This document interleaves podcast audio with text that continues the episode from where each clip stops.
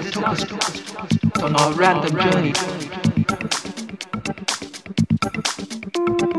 We calculated it is some 20 years since we lost contact with you. For us, this has been a time of danger, danger, come, come.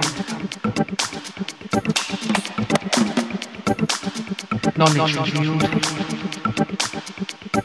of mysteries encountered, perceptions altered, growing conviction of a higher purpose in everything that we have witnessed and endured.